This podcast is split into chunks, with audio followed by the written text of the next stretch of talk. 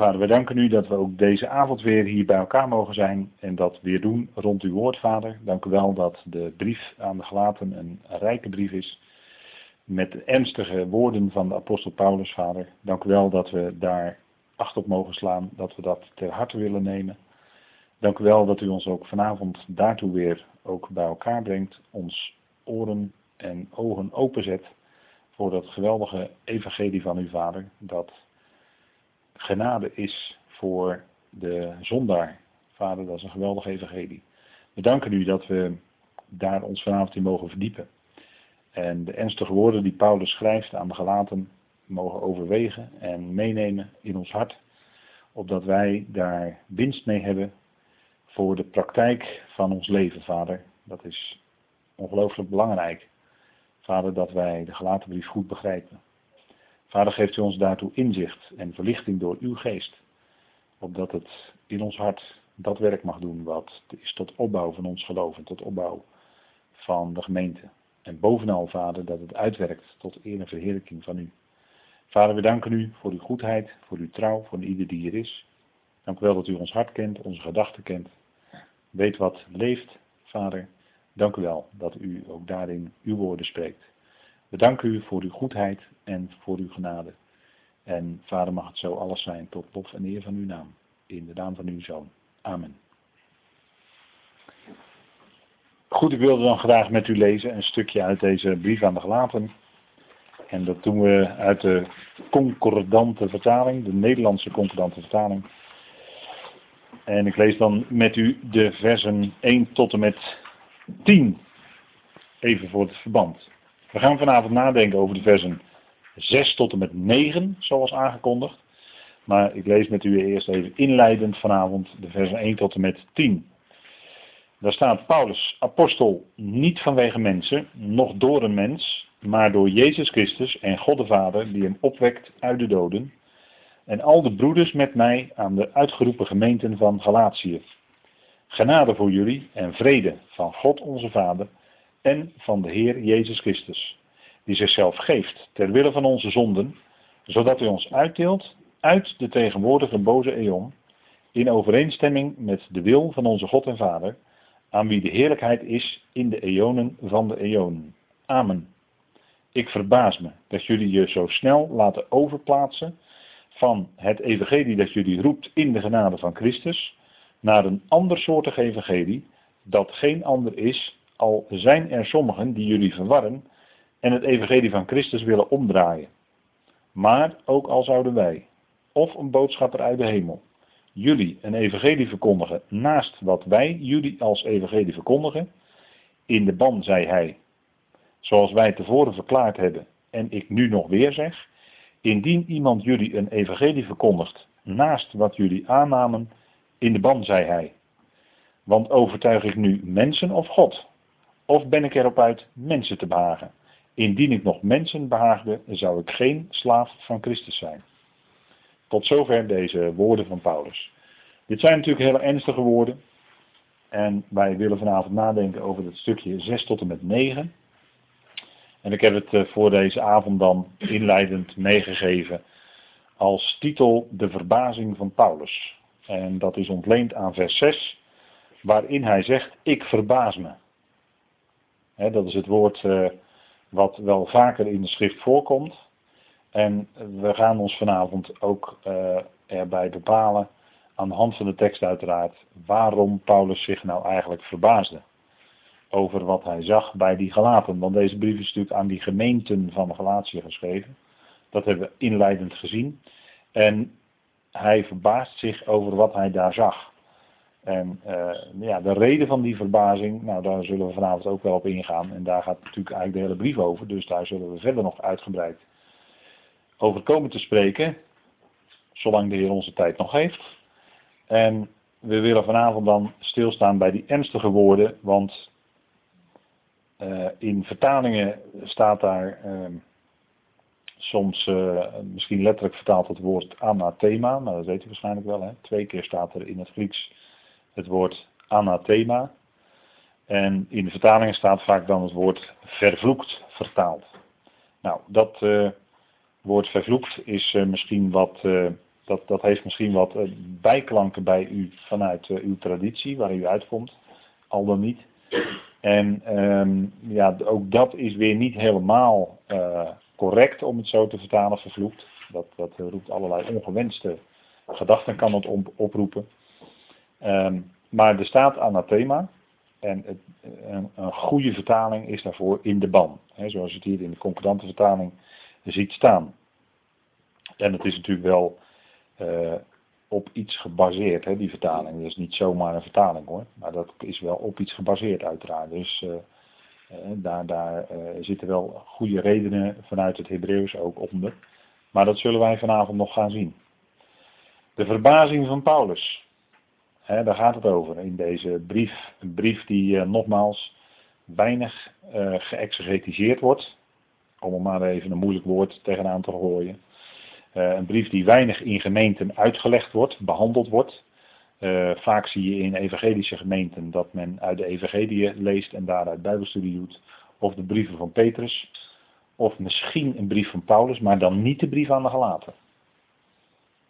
En uh, dat is wel een omissie, dat is wel een gemis, wat, wat eigenlijk ernstig is, want ja, juist die brief aan de gelaten, die wijst zoveel aan. En daarvoor zou je als, daarmee zou je als gemeente goede winst kunnen doen. Als je die dus goed en grondig zou behandelen en die boodschap ook zou toepassen in de praktijk. In ook in de gemeentepraktijk. Maar goed, we gaan eh, met elkaar eh, kijken naar eh, de verbazing van Paulus. En hij zegt dan in dat zesde vers, zoals net al gezegd, ik verbaas me. En dat woord verbazing, dat komt wel vaker voor in de Griekse geschriften. En ik heb er twee uitgeplukt voor u uit de lange lijst. U kunt dat nalezen als u een keyword concordance heeft of een stichwoord concordans. Kunt u dat prachtig nalopen. Dan kunt u zien waar in het Grieks het woord verbazing voorkomt. Of verwondering, zo kun je het ook vertalen. En dat vinden wij onder andere in Lucas 4, vers 22. Wellicht voor u een bekend gedeelte. De Heer Jezus in de synagoge in Nazareth. u weet wat er toen gebeurde dat is wel vaker als een, als een waarachtige profeet het woord van God brengt, dan wordt hij uit de synagoge geworpen. dan wordt hij buiten geworpen. Nou, dat gebeurde toen ook met de Heer Jezus. Maar ik wil even die tekst waar dat woord verbazen, waar we nu over nadenken, even met u lezen in Lucas 4, vers 22. Want dat is eigenlijk, vond ik wel aardig, de verbazing, maar dan de andere kant op. Om het zo maar te zeggen. Lucas 4, vers 22. En daar is de Heer Jezus dan aan het spreken nadat hij gelezen heeft uit de boekrol, uit Jezaja 61. En dan spreekt hij naar aanleiding van uh, die Haftara, de lezing van de, de profeten, uh, spreekt hij daaruit en dan zegt hij, en zij betuigden hem in vers 22, en zij betuigden hem allen hun instemming en verwonderden zich over de woorden van genade die uit zijn mond kwamen. En ze zeiden, is dit niet de zoon van Jozef? Dus eh, dat woord verwonderen, wat ik hier lees, dat is het woord wat in Galaten 1 vers 6 ook voorkomt. Taumazo in het Grieks, je ziet het op de dia staan. En uh, dan zie je dus dat zij zich verwonderden over de woorden van genade die hij sprak. Dat is natuurlijk een verwondering van mensen die onder de wet leven en onder het uh, judaïstische systeem. Dat is dan de verwondering over de genadevolle woorden die over zijn lippen kwamen. Dus uh, dit, dit, is een verwondering of een verbazing van de luisteraars in de synagoge. Maar dan dus precies andersom. Hè? Paulus' verbazing was natuurlijk dat die gelaten, die in genade waren geroepen, weer onder de wet gingen leven.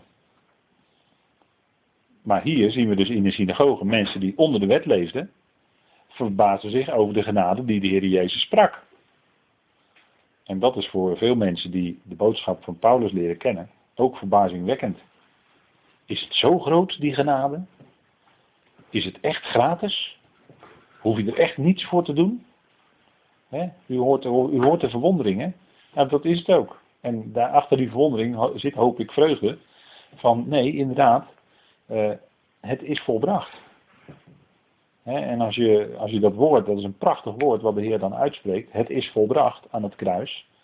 dan zegt hij tt lestai, dat is een uh, voltooid verleden tijd, van het woord, waar het woord doeleinde in zit. Dat wil zeggen, dat werk wat hij moest doen, was tot een doeleinde gekomen in hem. Ook in zijn werk aan het kruis. Toen was het ook volbracht. Hij zei, het is volbracht. En toen was het ook volbracht. Toen hoefde er niets meer aan, aan toegevoegd te worden. Uh, wij zouden misschien nog zeggen, ja, alleen het feit dat hij nog uh, echt zou moeten sterven, begraven en weer opgewekt uit de doden. Inderdaad, dan heb je het helemaal compleet, dan heb je ook echt evangelie. Maar het werk wat hij op aarde moest doen, was volbracht. Dat was in hem tot een doeleinde gekomen. Dat zit ook in dat woord tetelestai. Daar zit het woord telos in. En het woord telos in het Grieks betekent, wordt vaak vertaald met einde, maar het betekent eigenlijk doeleinde. Het is tot een einde gekomen, maar ook het doel is bereikt. Dus het is niet alleen het einde van iets, maar het is ook het doel is bereikt. En toen de Heer Jezus dus dat woord aan het kruis uitsprak, het is volbracht, toen was het ook volbracht. Toen was die handeling die hij moest doen op aarde compleet, dat was voltooid. En het was dus een afgesloten werk. Daar kan geen andere mens ooit iets aan toevoegen. En dat werk heeft een uitwerking nu. Nog steeds. En zal ook een uitwerking nog hebben in de toekomst. En dat is, dat is ook precies die werkwoordsvorm. Nu vertel ik u eigenlijk wat die werkwoordsvorm in het Grieks betekent. Het is een afgesloten handeling in het verleden met een uitwerking in de toekomst, in het heden, nu. Dat wij hier zitten is een stukje vrucht van het kruis hoor. Van zijn werk, dat wij hier zitten en dit beluisteren. moet je wel even realiseren. Dus het is een afgesloten handeling in het verleden en in het heden en in de toekomst heeft het een geweldige uitwerking. Het is volbracht. Geweldig woord van de Heer aan het kruis. En eh, de mensen, toen hij op aarde was, toen verwonderden de mensen zich dus al over de woorden van genade die hij sprak. Want er had nog nooit iemand gesproken zoals hij sprak, hè, staat in Johannes, Evangelie. En uh, we zien het ook in dit woord komt ook voor, en dan gaan we even naar die andere schriftplaats bij Paulus, in 2 Thessalonicense 1 vers 10. 2 Thessalonicense 1 vers 10.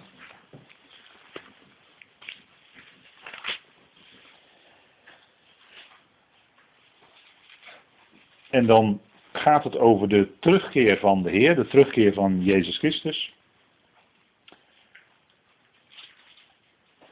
En dan staat er in dat tiende vers, want hij zal gekomen zijn om op die dag verheerlijkt te worden in zijn heilige en bewonderd te worden of verwondering te ontvangen in allen die geloven. En dat bewonderd te worden of verwondering ontvangen, dat is dat woord verbazen, waar wij nu even bij stilstaan. Dus verwonderd te worden in allen die geloven, want bij u vond ons getuigenis geloof. Dus op het moment dat de Heer terugkeert, zal dat in ons een enorme verwondering ook geven. Dat de Heer zo is. Dus dat is, hè, dat woord betekent eigenlijk niet alleen verbazing, maar er zit nog iets meer in. Er zit namelijk in verwondering met verbazing. Of een verbazing die zich verwondert, of uh, andersom. Hè, een zich verwonderende verbazing. Zo, hè, dat, dat is dat woord waar, wat Paulus hier uitspreekt. En wat hij dus ziet, en dan gaan we even terug naar Galaten 1. Wat hij dus ziet bij die gemeenten in Galatië, dat verbaasde hem, dat verwonderde hem.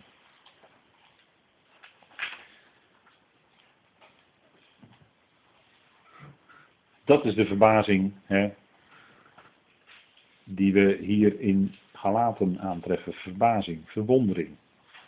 Je verwonderd afvragen, hoe kan dat toch? De mensen in de synagoge vroegen zich verwonderd af, hoe kan het toch dat hij zulke woorden spreekt? Dat hadden zij niet gehoord van de schriftgeleerden van die tijd. Maar ze hoorden het wel van de grote schriftgeleerde, de Jezus Christus. En dan de verbazing van Paulus is, dat, dat is wat dat vers ook zegt, dat jullie je zo snel laten overplaatsen. En let op dat woordje snel. Hè? daar zit ook een stuk verwondering van Paulus. Hij had het evangelie gepredikt, waren mensen tot geloof gekomen. Hij had de genade uiteraard gebracht. En hij ziet dat zij snel werden overgeplaatst. Let, op, let ook op dat woord overplaatsen. Dat betekent, zij bevonden zich in een bepaalde geestelijke positie, namelijk geroepen in genade. En ze werden overgeplaatst, als het ware, in een andere geestelijke positie.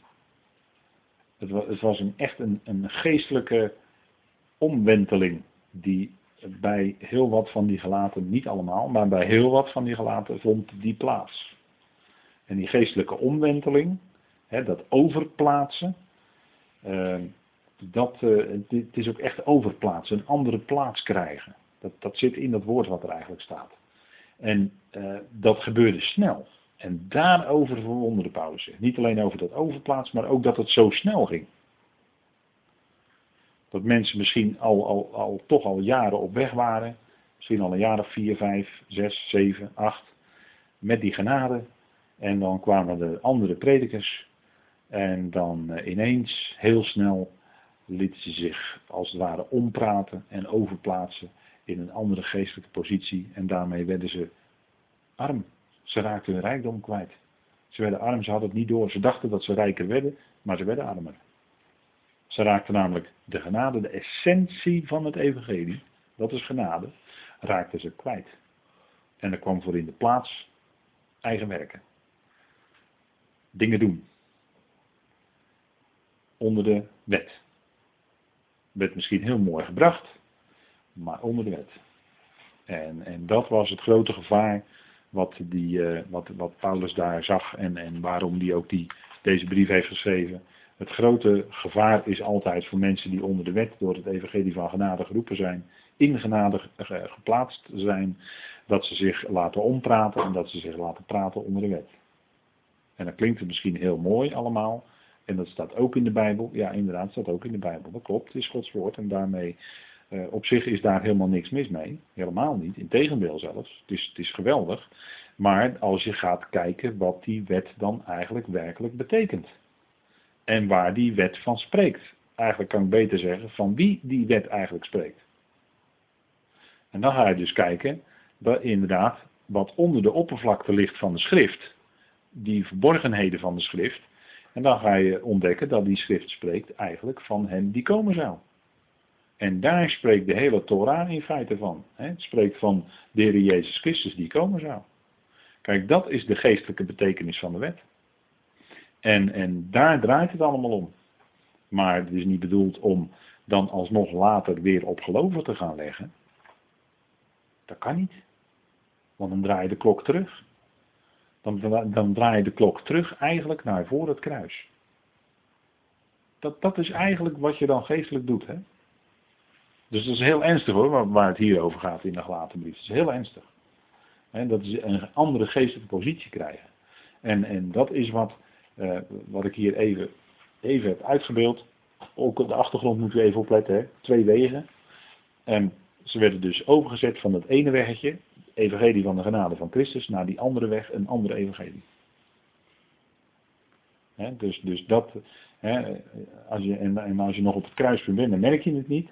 Maar zodra je het wegje in bent geslagen, dan raak je dus steeds verder bij die andere weg vandaan. En, en, dat is aan de hand. Dat was aan de hand bij die gelaten. En dat gebeurde snel. Let op het woordje snel hier. Hè? Dat jullie je zo snel laten overplaatsen naar een ander evangelie. En wat is dat andere evangelie? Daar zullen we vanavond ook naar kijken, want dat brengt ook die ban. Dat is ook die ban. Zo snel. De verkondiging was namelijk geschied door Barnabas en Paulus. En die verhaalden aan het eind van Handelingen 14 dat er een deur van het geloof voor de natieën was geopend. En dat is echt iets anders dan wat Petrus zegt hoor in Handelingen 15. Nogmaals, ik wil er nogmaals op wijzen. Dat een deur van het geloof voor de natie was geopend is iets anders dan wat Petrus zegt in Handelingen 15. Dat hij van de aanvangsdagen af uitgekozen was om naar de Goyim te gaan. Dat is iets anders. Petrus stond namelijk in de lijn van het koninkrijk.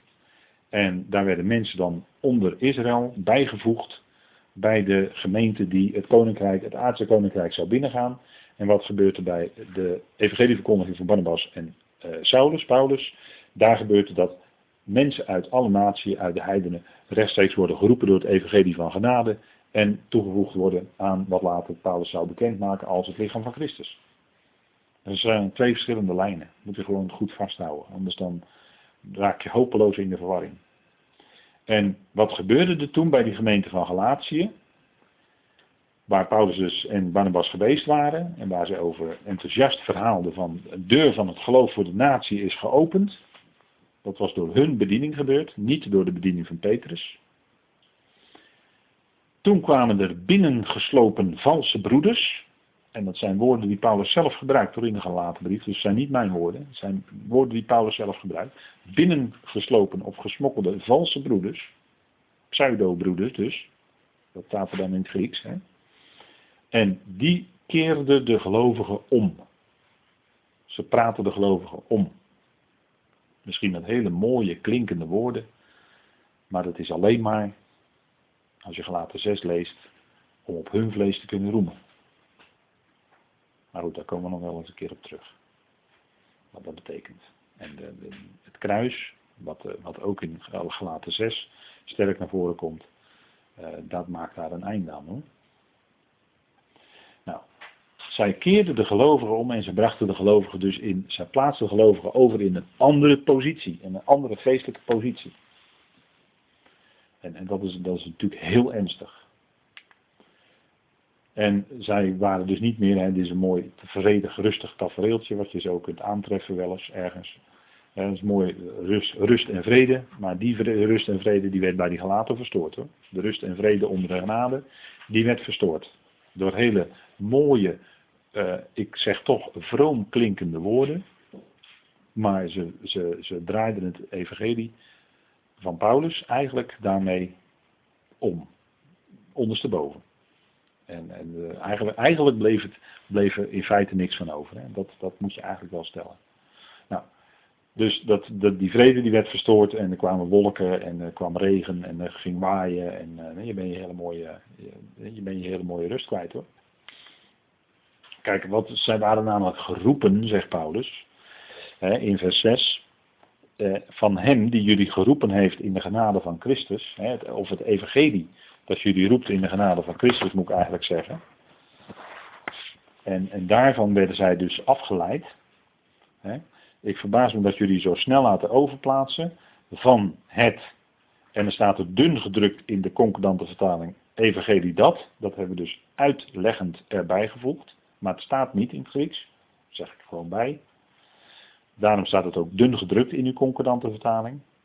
Dus van het hè, of van wat jullie roept, zo zou je het ook kunnen vertalen, als je per se die woorden evangelie dat wil weglaten, maar het wordt wel geïmpliceerd. Hè. Dus het evangelie dat jullie roept in de genade van Christus, naar een andersoortig evangelie. En, en wat is nu dat evangelie van de genade van Christus?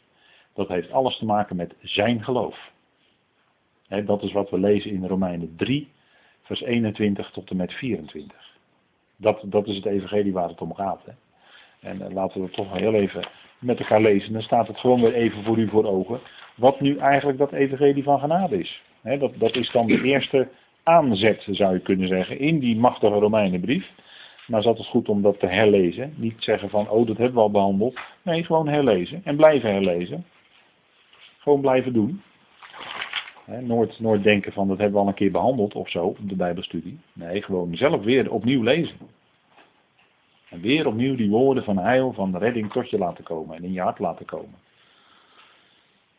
En dan zegt Paulus in Romeinen 3, maar nu is zonder de wet, of ik kan ook lezen los van de wet, of moet ik lezen los van de Torah? En dat bedoelt Paulus los van de geschreven Torah van Mozes hoor, daar heeft hij het hier over. En over niks anders. Maar nu is zonder de Torah gerechtigheid van God geopenbaard, waarvan door de wet en de profeten is getuigd, namelijk gerechtigheid van God door het geloof van Jezus Christus. Tot allen, die gerechtigheid van God, namelijk die is tot allen, er staat naar binnen allen. En op allen die geloven. Dat wil zeggen, die gerechtigheid Gods is naar binnen allen, dat zal in de toekomst gaan blijken, maar is nu op allen die geloven, want er is geen onderscheid. En het is mij ten ene male een groot raadsel waarom de herziende statenvertalers dat van Jezus Christus hebben losgelaten. Dat is volstrekt raadsel, want ze wijken daarmee gewoon af van het Grieks. Staat gewoon in het Grieks wat anders. Ik kan het niet begrijpen. Maar goed, er staat gewoon van, het geloof van Jezus Christus. Want allen, vers 23, hebben gezondigd of zondigden en missen de heerlijkheid van God. En schieten tekort aan de heerlijkheid van God. En er staat er, en worden om niet, om niet, gerechtvaardigd in zijn genade door de verlossing of de vrijkoping in Christus Jezus. Nou, dat is de evangelie, hè. Allen die nu geloven, door het geloof van Jezus Christus, worden om niet, dat we zeggen, in al die mensen was er geen enkele reden om dat te doen voor God. Het was om niet, hè. Gerechtvaardigd in zijn genade. Dus het is om niet gerechtvaardigd. En in zijn genade, door de vrijkoping, in wie? In de mens? Nee, in Christus Jezus. In Christus Jezus. Dus het staat helemaal los van werken van de mens. Het heeft te maken met het geloof van Jezus Christus. En God geeft degene die hij bedoelt, die hij roept, geeft hij geloof. En dat is het kanaal wat hij er al gebruikt, waardoor zij dan die redding, dat heil ontvangen. Dus al die gelovigen worden om niet gerechtvaardigd in zijn genade door de vrijkoping in Christus Jezus. Kijk, dat is het evangelie van genade. Dan is er geen enkel werk van de mens, maar dan is het alles zijn werk en is het zijn geloof en dan is het ook in hem, dat we zeggen, het is in Christus Jezus. Dus het is helemaal los van welke mogelijkheid van werken van de mens dan ook maar. Dat is het evangelie van genade. En, en dat is wat we steeds goed, goed voor ogen hebben. Hè? Daarvan wijken we niet af. Het is, uh, het is en blijft altijd in genade. In Christus Jezus, dus de vrijkoping. En, en uh, helaas hebben dus de herzieners uh, ook dat van Jezus Christus wegvertaald op diverse plaatsen. En we kunnen het ook lezen in de gelaten brief zelf, want die tekstwijzing heb ik er ook bij gegeven. Galaten 2 vers 16 om nog eens een keer te onderstrepen dat het gaat om zijn geloof. Zijn met een hoofdletter.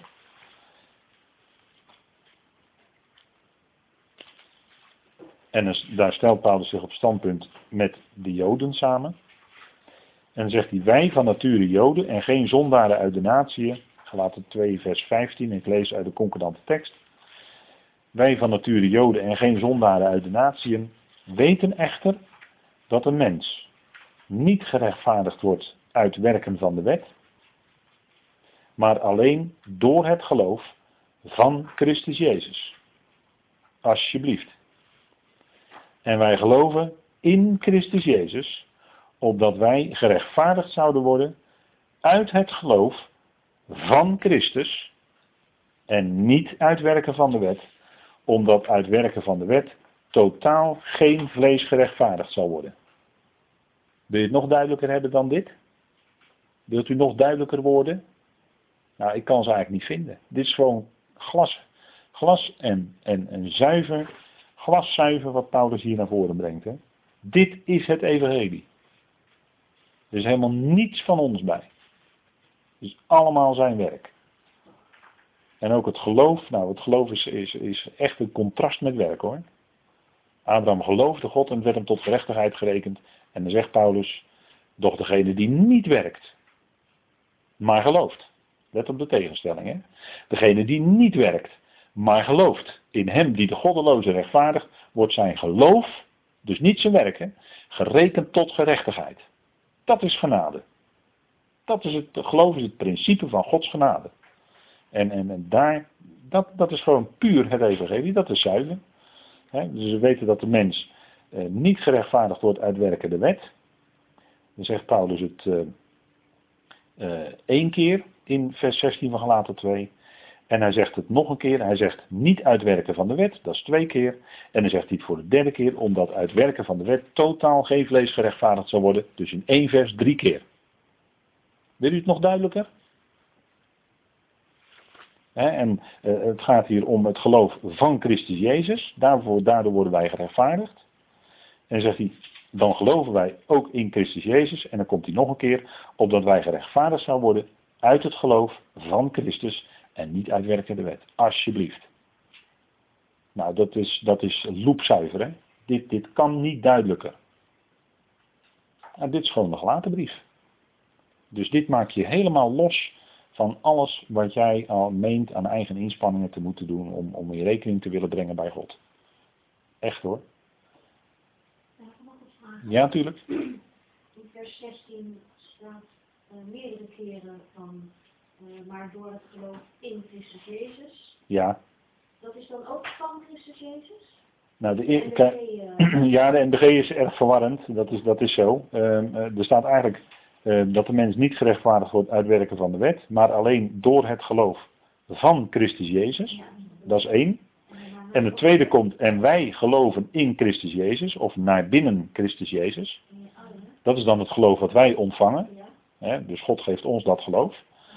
En dan staat er, opdat wij zouden gerechtvaardigd zouden worden uit het geloof van Christus en niet uitwerken van de wet. dus hij spreekt hier twee keer over het geloof van hem, met de hoofdletter, en één keer over ons geloof. Maar ik heb me daarbij aangetekend dat ook ons geloof dus helemaal los van werken is. Is in contrast met werken. Hè. Geloof is geen werken. Geloof is, simpelweg een, een boodschap die er is. Christus heeft dat werk gedaan. Die boodschap is er, dat werk is al compleet. En nou, daar kun je twee dingen dus mee doen. Je kunt het geloven of niet. En als je het gelooft, oké, dan, dan heb je het ook. Maar het is niet inspanning van jouw kant, nee. Dat, dat jij dat kan geloven überhaupt, is het werk van de geest van God in de mens. Want ook dat geloof is een genadegift van God. En kan het zo met twee teksten bewijzen dat het zo is. maar uh, ik denk dat ik niet hoef te bewijzen, dat, dat weet u zelf ook wel, denk ik. Maar ik denk dat dit, dit vers, gelaat 2 vers 16, is zo zuiver, is zo echt helemaal to the point wat het is dan kun je er nooit geen levensdagen daarover ooit nog uh, misverstand over hebben. Dit is gewoon wat er staat. En ieder, ieder die zegt dat het anders is, ja, die, die moet toch de Griekse tekst laten buikspreken. Sorry. Sorry, het is niet anders. En uh, dat is dus zijn geloof, wat bij Paulus aan alle kanten doorklinkt.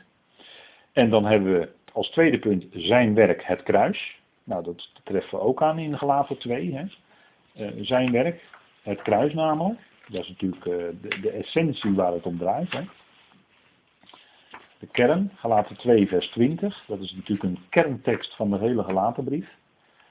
Daar zegt Paulus, met Christus ben ik gekruisigd. Ik leef echter. Niet langer ik, echter in mij leeft Christus.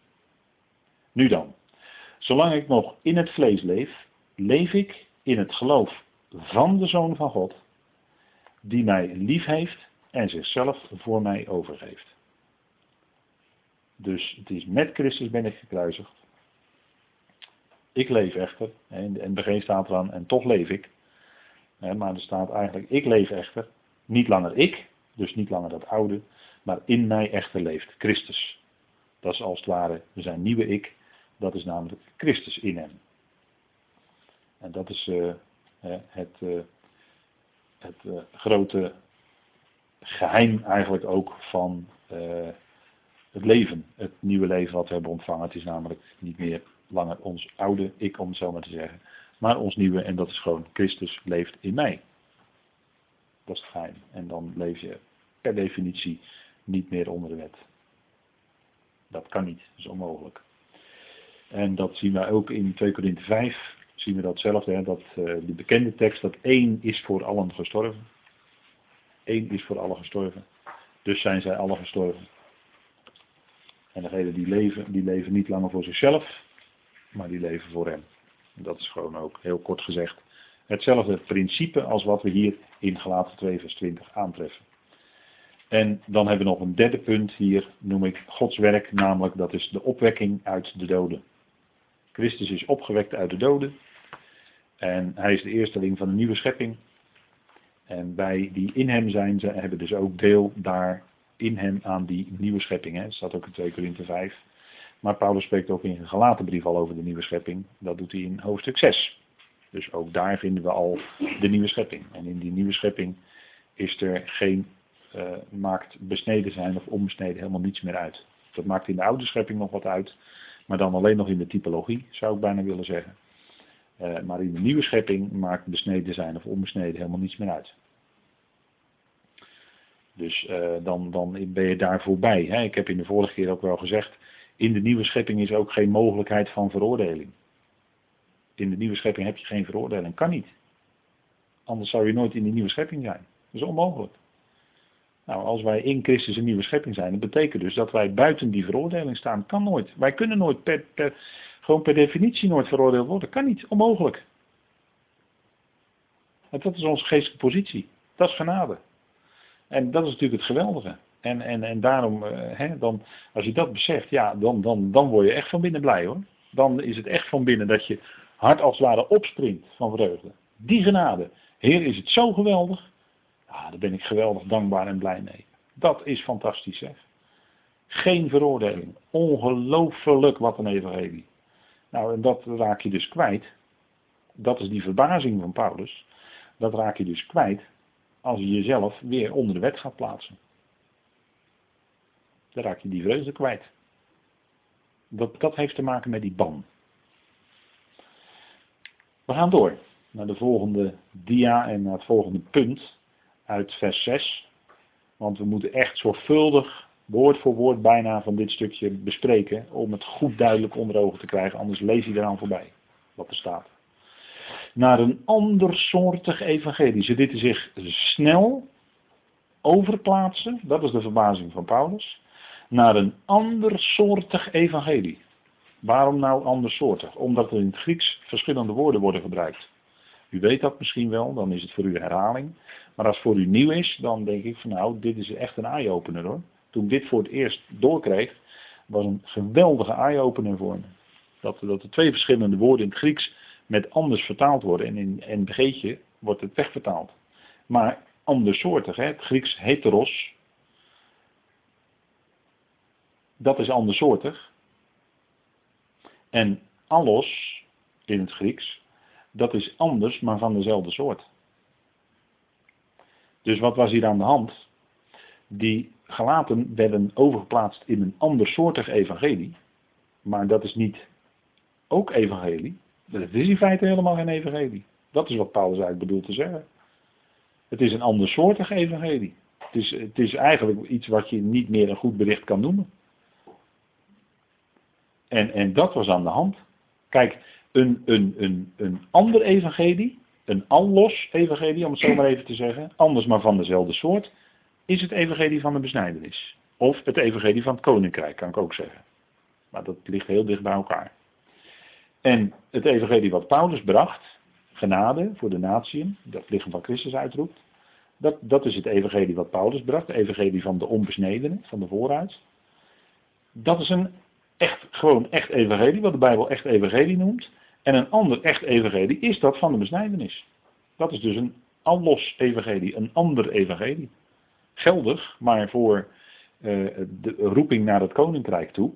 En uh, specifiek gericht op het volk Israël. Met natuurlijk ook heidenen die zegen ontvangen. Maar dan altijd ondergeschikt aan Israël. Dus wel een echt evangelie. Maar dan evangelie van de besnijdenis. Dus evangelie van de besnijdenis. Uh, andere apostelen, twaalf. En Paulus als unieke apostel. Als, als, als ware als eenling vaak opererend met medewerkers. Uh, die, die dus een evangelie brengen van de volheid. En die specifiek de natieën, alle natieën op het oog hebben. En daar is Israël niet meer boven de natie, maar dan is alle natie gelijk. Dat, heeft, dat zijn allemaal aspecten ervan. Ik noem het nu even heel snel. Maar, uh, en, en daarvan is het grote kenmerk is genade. En dat is in zekere zin ook wel zo bij evangelie van de besnijdenis. Maar dan is het toch genade waar, waar je, is wel genade, maar dan moet je wel wat bij aantekenen. En bij Paulus is het loepzuiver, genade en staat het helemaal los van, uh, van, van menselijke uh, dingen en, en uh, alles wat misschien in de evangelie van de besnijdenis er nog wel bij komt kijken. Maar zeker twee verschillende richtingen. Evangelie besnijdenis roept uit hier op aarde voor Israël, de volkeren. Evangelie van de voorhuid roept uit naar het lichaam van Christus met een bestemming boven, in de hemelen, te midden van de hemelingen. Dat zijn duidelijk andere lijnen. Nou, dat zijn twee evangeliën die gewoon naast elkaar in de schrift bestaan. Dat is alles. Hè. Een andere evangelie is dan alles. Gewoon geldig. Maar als het gaat om een ander soortig evangelie, dan kom je dus bij iets terecht wat eigenlijk helemaal niet echt een evangelie is. Maar van een heel andere soort, dus van een heel andere orde. Een ander soortig evangelie, wat is dat dan? Vraagt u zich al misschien af. Nou, dat is een mix. Dat is een mengvorm. Namelijk een mix van geloof en werken. Uh, een hele bekende is dat, uh, dat, uh, dat, dat er dan gepredikt wordt dat Jezus Christus inderdaad aan het kruis voor de zonden van de wereld, van de mensen, gestorven is. En dat hij ook wel voor, in, nou er is ook veel discussie over of hij nou wel of niet echt voor alle mensen gestorven is. Ik vind dat een beetje een rare discussie, want het staat zo duidelijk in de Bijbel. Dat, eh, ja, dat, vind ik eigenlijk bijna te duidelijk om daar nog over te discussiëren. Maar goed, zelfs daarover wordt gediscussieerd. Ehm, dat, of Christus dan wel voor alle mensen gestorven is. Nou, dat wordt dan nog wel vaak gepredikt. Dat Christus voor alle mensen gestorven zou zijn. En ik neem een hele lange aanloop en dan kom ik bij een komma en dan bij het woordje maar. He? Maar. En er wordt gezegd, maar jij moet nog een keuze maken. En om dat heil deelachtig te worden, of om gered te kunnen worden, moet jij kiezen vandaag. Doe je het niet, wordt meestal, meestal wordt dat eh, de laatste tientallen jaren achterwege gelaten. Maar doe je het niet, dan ga je voor eeuwig verloren. En uh, dat is ook de officiële leer van de kerk. En onlangs hebben we een kerklid gehad wat, wat een uh, protest daartegen inbracht. Maar het werd van tafel geveegd eigenlijk, hè, als ik het even heel kort door de bocht zeg. Er werd een commissie benoemd en uh, die ging dan dat allemaal overwegen. werd dan voorgelegd aan de synode. Maar de uitspraak was gewoon met grote meerderheid van nee nee, we blijven gewoon bij artikel 37 van de Nederlandse geloofsbeleidenis. Dat de ongelovige voor eeuwig moet branden in vlammen. Want dat zegt dat artikel. Leest u het maar na. Sorry, ik kan er niks anders van maken. Zo is het gegaan. Kort geleden nog. En er wordt gezegd van ja, maar je kunt aan dat oordeel ontkomen dan gebruik ik weer even een andere formulering. Dat is wat negatief gesteld. Door te kiezen of door te geloven of door te. Maar in ieder geval, er komt iets van jou bij. Jij moet iets, jij moet een stap zetten, jij moet. En weet je wat het is? Dat is een mix. Dat is een mix van. God doet een heleboel, maar dat laatste beetje, dat moet jij doen. Maar dat is wel, dan wel, wordt het wel essentieel. Begrijpt u? En dat maakt eigenlijk van God een onmachtige God, want God is dan afhankelijk van of die mens dan wel zou kiezen, ja of nee. God wacht dan af of die mens kiest. Zo wordt er dan ook gezegd. En dan moet jij een keuze maken, dus jij moet iets doen. En als je dat eenmaal gedaan hebt, nou, dan is dat van jou. Dan ben je ook gered. Of, nou dat is, dat één hè, dit, dit, herkent u wel, denk ik, als ik dit zo vertel. Maar dat is dus een mix van geloof en werken. En ik, kan het ook, ik heb het ook genoemd een mix van genade en wet. Of werken. Want eigenlijk lag het bij die gelaten nog wat subtieler. Hè? Wat ik nou net vertelde, was hoe evangelieprediking wel eens gaat. In evangelisatiebijeenkomsten en dergelijke. Maar waar bij de gelaten eigenlijk om ging, was nog wat subtieler. Was namelijk nadat je gered, bent, dat je afvraagt, wat nu? Hoe leef ik nu? Hoe moet ik nu in de praktijk leven met dat evangelie? En daar wordt dan vaak de wet bij gebruikt. Dan wordt het niet meer genade alleen, want denkt u erom dat Paulus in de gelaten brief bezig is, duidelijk te maken dat als je gered bent, dat het dan in de praktijk er juist om gaat dat je ook in genade blijft leven. als je eenmaal gered bent in genade, dan daarna blijft het ook genade. Dat heb ik al meerdere keren zo gezegd. En ik blijf het herhalen, omdat ik daar zo diep van overtuigd ben dat het zo werkt ook in de praktijk. Doe je het niet, raak je je vreugde kwijt. Garandeer ik u. Gaat u maar onder de wet leven, u raakt uw innerlijke vreugde kwijt. Want u gaat op uzelf zien. Dat is de reden. Je gaat het zelf proberen. Het klinkt heel mooi. Het klinkt heel mooi hoor. Ja, dan ben ik gelovig en dan ga ik echt proberen om goed te leven. Dan ga ik proberen aan de wet te voldoen. Dan ga ik proberen de komende weken of de komende maanden. Het klinkt allemaal geweldig mooi. Maar het, het, het leidt tot niets. Het leidt tot niets. Maar het gaat om dat we blijven leven in genade. We zijn gered in genade. En daar blijft het ook bij. We zouden veel dieper van overtuigd zijn dat het altijd, dat wij nooit meer een mogelijkheid kunnen hebben om ooit nog veroordeeld te worden. En weet je wat dat uitwerkt? Dat werkt juist een wandel uit die in genade is. En dat is niet een wandel in de losbandigheid, maar dat is een wandel die tot eer van God is. Dat is ook precies wat Paulus uitgebreid in de gelaten brief betoogt. Dat is het tegenovergestelde effect van wat men veronderstelt. Oh ja, dat is maar, ja, nee, dat is maar makkelijk. Bij jullie is het maar makkelijk, die boodschap. Van nou, je komt er toch wel. Nee, als je de Romeinenbrief moet je dan goed lezen. de genade is niet iets wat uh, tolerant is, maar genade is iets wat juist in de gelovigen werkt tegen de zonde.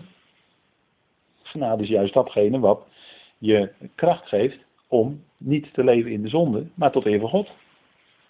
Juist die genade. Ga je het proberen vanuit jezelf, proberen de wet te voldoen. Romeinen 7. Romeinen 7. Ik ellendig mens. Ik wil het goede doen. Dat is wat ik net even met andere woorden vertelde. Ik ga proberen dit en dat. Ik wil het goede doen, maar op het moment dat ik het goede wil doen, dan ligt het kwade mij bij. Begrijpt u? Want het heeft geen zin om de wet op de mens te leggen. Want wat is al uitgebreid aangetoond bij Israël, dat de wet op vlees leggen heeft eh, het tegenovergestelde effect. Want het vlees is zwak, zegt Paulus.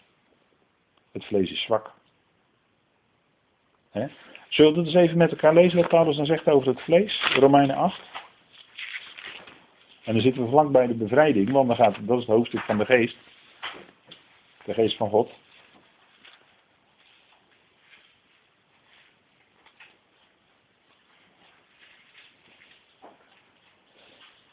Romeinen 8 vers 3. En er staat, want wat voor de wet onmogelijk was, krachteloos als zij was, door het vlees, dat heeft God gedaan. Hij heeft zijn eigen zoon gezonden in de gedaante aan het zondige vlees, gelijk aan het zondige vlees, en dat omwille van de zonde, de zonde veroordeelt in het vlees. Ziet u wat hij zegt? Want wat voor de wet onmogelijk was, krachteloos als zij was door het vlees. Die wet, die wet op zich is niet verkeerd. Die wet is heilig, rechtvaardig en goed. Maar als die wet op vlees gelegd wordt, blijkt er geen kracht te zijn, want het vlees is krachteloos. Dat vlees heeft in zich niet de kracht om aan die wet te kunnen voldoen. Maar wat gaat het vlees juist doen? Dat gaat er juist tegenin. Leg het op vlees en het vlees gaat tegen de wet in. Dat gaat juist doen wat de wet verbiedt. Dat is het vlees van de mens. He? Gij zult niet dit, gij zult niet dat. Ga het maar proberen, maar het vlees wil juist al gaan proberen daar niet aan te voldoen. Juist dat te doen wat de wet verbiedt. En daar blijkt, dus, daar blijkt dus in de praktijk dat het vlees krachteloos is. Leg de wet op het vlees, is krachteloos. En dat heeft God gedaan. En daarin heeft God laten zien hoe dat zit. En zijn zoon gezonden. En die is gekomen en gedaan tegelijk aan het zondige vlees. En dat omwille van de zonde, de zonde veroordeelt in het vlees. Opdat de rechtvaardige eis, woord eis staat er eigenlijk niet, van de wet vervuld zou worden in ons, die niet naar het vlees wandelen, maar naar de geest, dan is het dus de geest van God in ons, die een hem welgevallige wandel bewerkt. En dan zien wij, tot onze verbazing misschien, dat wij ineens in staat zijn om zelfs een wandel te kunnen leiden die boven de eisen van de wet uitgaat. De liefde. Want dat gaat boven de strikte eisen van de wet uit. Begrijpt u? En dat is het punt, hè. Hier, hier zit het punt gewoon. Die wet is zwak door het vlees. Zodra een mens weer, ook een gelovig mens hoor, want dat maakt eigenlijk in de essentie geen verschil. Eh, ook als een gelovig mens ernstig gaat proberen vanuit zichzelf aan die wet te voldoen, dan treedt diezelfde wetmatigheid op. Hij ontdekt dat hij niet aan kan voldoen en dat hij het kwade doet, terwijl hij het goede zou willen doen. Vanuit zijn vrome vlees dan. Lukt niet, hij doet het kwade. Tegenovergestelde effect roept hij uit ik ellendig mens. En daar kom je alleen maar van los door de geest. Werk van de geest, dat is dan ook Romeinen 8, dat volgt op Romeinen 7. De werking van de geest, geest van God in de mens, geeft de mens de kracht om wel welgevallig voor God te kunnen leven en te wandelen. En dat is dan ook de wandel tegelijkertijd in genade. Maar als je die dingen dus gaat mixen, mix van genade en werken, dan raak je het kwijt. Dan raak je die hele werking en de vreugde en alles van de genade raak je kwijt in de praktijk. Want het gaat om de praktijk in de gelaten brief. Het gaat er niet om in de gelaten brief of een mens in genade wel of niet gered wordt door het geloof. Nee, het gaat erom hoe de mens, hoe de gelovige mens leeft in de praktijk. Is dat onder de genade of onder een mix van genade en werken? En daar, dat is de crux. En daar sprak Paulus op aan. Nou, mix van genade en werken, daarvan zegt Paulus, dat is in feite uh, ander soortig evangelie. En of ik kan ook zeggen een mix van Christus en de mens, maar dat is dan met iets andere woorden, weer hetzelfde gezegd. Hè.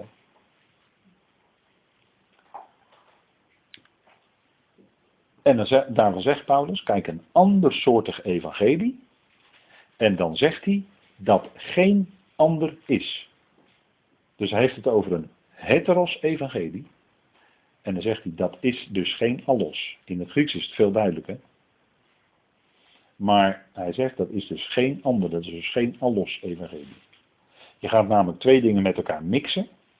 En dan heb je niet die twee verschillende dingen meer, maar je bent gelijk alle duidelijkheid kwijt en je mixt alles door elkaar en je krijgt één gemixte massa. Kijk, dat glas hier op die dia, zet je hier de staafmixer in, dan weet u wat er gebeurt. Dan wordt het één massa, een groen-witte massa. Maar de herkenbaarheid van die, uh, wat is het, andijvie geloof ik, of spinazie, blaadjes met die crème erop, dat is dan helemaal door elkaar en je herkent het niet meer als zodanig. Het is allemaal door elkaar gemixt. En dat is met genadewerk ook zo. Dan wordt het één grijze massa, het is niet meer herkenbaar. Genade is niet meer herkenbaar, ben je kwijt dus. En dat is het belangrijkste natuurlijk. De genade ben je kwijt, want je hebt het gemixt met werken.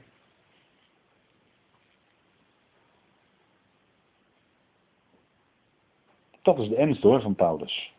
De ernstige boodschap, de gelaten. Maar het is de bewaring voor de gelovigen om in genade en uit genade en van genade te blijven leven. In de praktijk, hè, want daar gaat het om.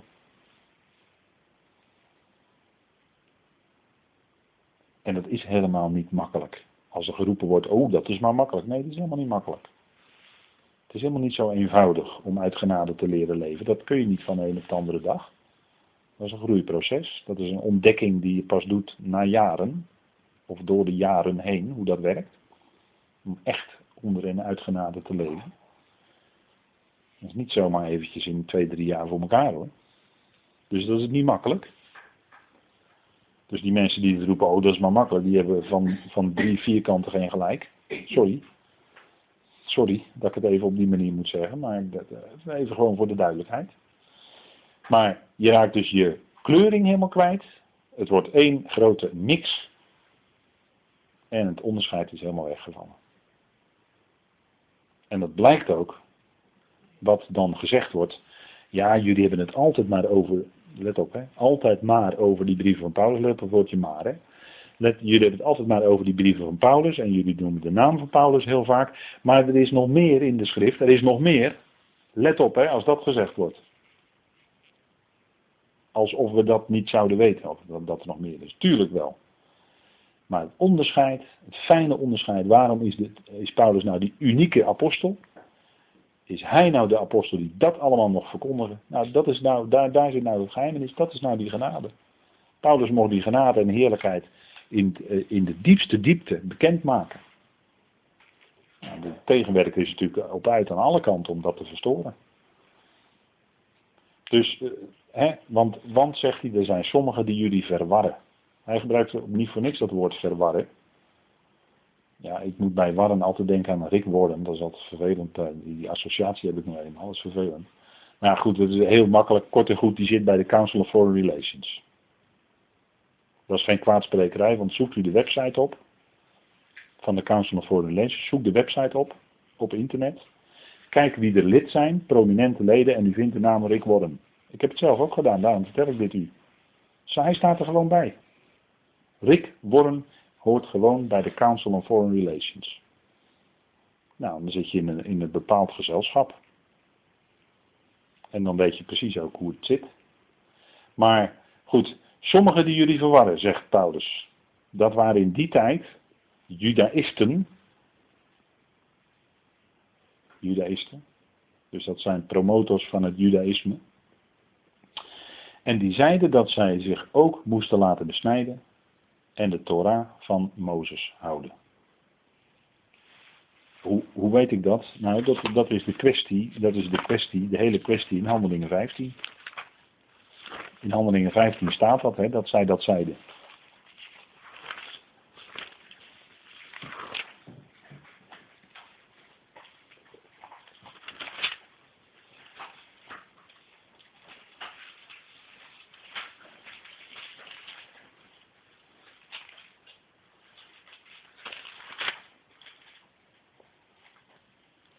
Kijk, in Handelingen 15 werd die hele kwestie besproken. Um, in Handelingen 15 vers 1 staat, en enige die uit Judea gekomen waren leerden de broeders, als u niet besneden wordt volgens het gebruik van Mozes, kunt u niet zalig worden. Dus hier legden ze het zelfs als een voorwaarde, die besnijdenis, om überhaupt zalig te kunnen worden, om gered te kunnen worden. Nou, dan komt er dus van de kant van Paulus en Barnabas uiteraard niet geringe tegenstand en woordenstrijd. Dit gebeurt dus in Antiochië, hè? in Antiochië in Syrië gebeurt dit, in die gemeente. En dan uh, worden, worden er een aantal uh, mensen bij elkaar geroepen in Jeruzalem. Men noemde dat het eerste apostelconvent. Nou goed, wat voor naam je er ook op plakken wil, dat doet er niet zoveel toe. Maar in ieder geval, die kwestie moest daar besproken worden. En uh, dat staat ook in vers 5, dat het dus om die kwestie ging.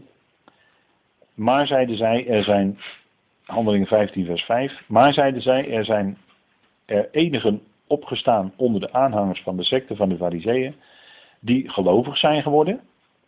Dat is onder andere natuurlijk Paulus zelf, hè, want die hoorde ook bij de fariseeën. Maar eh, Paulus die, hè, die, die hoorde vroeger bij de fariseeën, maar die bracht wel een andere boodschap, want deze uit de fariseeën, die hadden nog restanten, om zo maar te zeggen, van wettisch denken in zich die zeggen dat men hem moet besnijden en moet gebieden de wet van Mozes in acht te nemen. Ziet u? Dus als er aangedrongen wordt op die besnijdenis, dan volgt daar automatisch achteraan ook dat zij de Torah van Mozes moesten houden. Nou, dat is de kwestie die daar besproken werd. En dan spreekt Peters het woord dat ook de, de gelovigen uit de natie in genade gered werden. En dat, uh, dat ze, op hen niet het juk gelegd moest worden waarvan Petrus dan zegt dat zij zelf en hun vaders dat niet hebben kunnen dragen. Maar dat, uh, hè, dat werd dan door Petrus gezegd, dat het woord was beslissend. Petrus was daar de leider van de apostelen van de besnijdenis. En die sprak het verlossende woord, om het zo maar te zeggen. Dat het ging om genade hè, als voorwaarde tot redding. Maar nu waren die judaïsten, die, waren, die, die bleven niet stilzitten. Maar die waren dus onder die gelaten gekomen. En die hadden we later dan geleerd van, ja, oké, het is redding in genade, maar in een weg van heiliging, hè, in een weg van heiliging, zo werd dat misschien wel gebracht, dat, ze, dat mensen die gelovig waren, ja, ook heilig moeten leven. En in die weg van heiliging is het dan goed als je ook laat besnijden. Of en, en dat je ook de wet, de wet van Mozes gaat houden, dat je onder de wet van Mozes gaat leven. Als een stuk heiliging, levensheiliging. Als je gelovige bent hoe dat dan ook maar geformuleerd wordt, dat weet ik natuurlijk niet. Maar als je als gelovige bent, werd er dan bij gezegd, ja, dan moet je ook onder de wet van Mozes gaan leven. om, om zuiver, om, om beter voor God, om meer gezegend te worden, of hoe, wat voor formuleringen men dan ook allemaal maar naar voren zou willen halen. Dat, dat, dat doet er eigenlijk niet toe. In de kern draait het allemaal daarom. Je bent gelovig geworden, maar nu moet je ook nog wat erbij doen. Al dan niet je laten besnijden. Ik kan ook zeggen al dan niet in water laten dopen. Uh, al dat soort zaken. Hè, en de Torah van Mozes houden. Want dat is toch wel goed. Hè? Als je dan een richtlijn wil hebben, een handvat voor de praktijk van je leven. Dan is het goed om die tien geboden van Mozes, om, die, daaraan, een beetje daarna te richten. Zo, hè? Kan heel zacht gezegd worden, kan heel hard gezegd worden. Het is allemaal hetzelfde. Het is allemaal toevoegen van een stukje werken van de mens aan de genade. En je raakt het kwijt. Je raakt de genade kwijt. In de praktijk, hè. Je raakt je redding niet kwijt, maar je raakt wel de werking van de genade in de praktijk kwijt. Dat is het punt. Dat is praktisch. Hoe het praktisch uitwerkt. Ze wilden het evangelie van Christus omdraaien. En dan is het het evangelie van Christus, of van de genade van Christus, plus. Het evangelie van Christus en iets erbij. Namelijk een stuk heiliging. Er wordt er gesproken over heiliging. Er zijn gemeentes die erg met de heiliging bezig zijn. Met de levensheiliging. En dan moet je s ochtends met stille tijd beginnen. Ik zeg helemaal niet dat het verkeerd is. Maar zodra je het als, iets, als, als een soort wetje voor jezelf gaat hanteren, ja, dan wordt het alweer. Uh, dan ga je alweer een kant op eh, waarvan ik zeg van ja. Of het evangelie van Christus plus de wet houden. Of het evangelie van Christus plus, voor mij qua tekenen en wonderen, of wat u er ook maar bij wil invullen. Maar het is allemaal niet meer het evangelie van de genade van Christus alleen, maar er wordt iets aan toegevoegd. Plus. En dat is allemaal vermenging. Dat is allemaal mixen. En een mix, dat kan gewoon niet. En dan krijg je dit misschien wel, dit plaatje.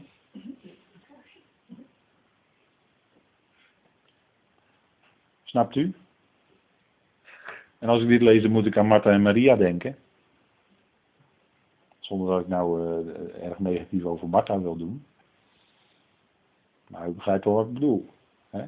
Ik moet nog zoveel voor u doen, ik ben zo druk bezig.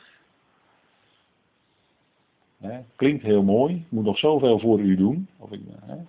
Klinkt heel mooi, maar in feite ben je heel druk bezig voor de Heer. Maar is het dan ook het werk van de Heer, kan je ook nog afvragen.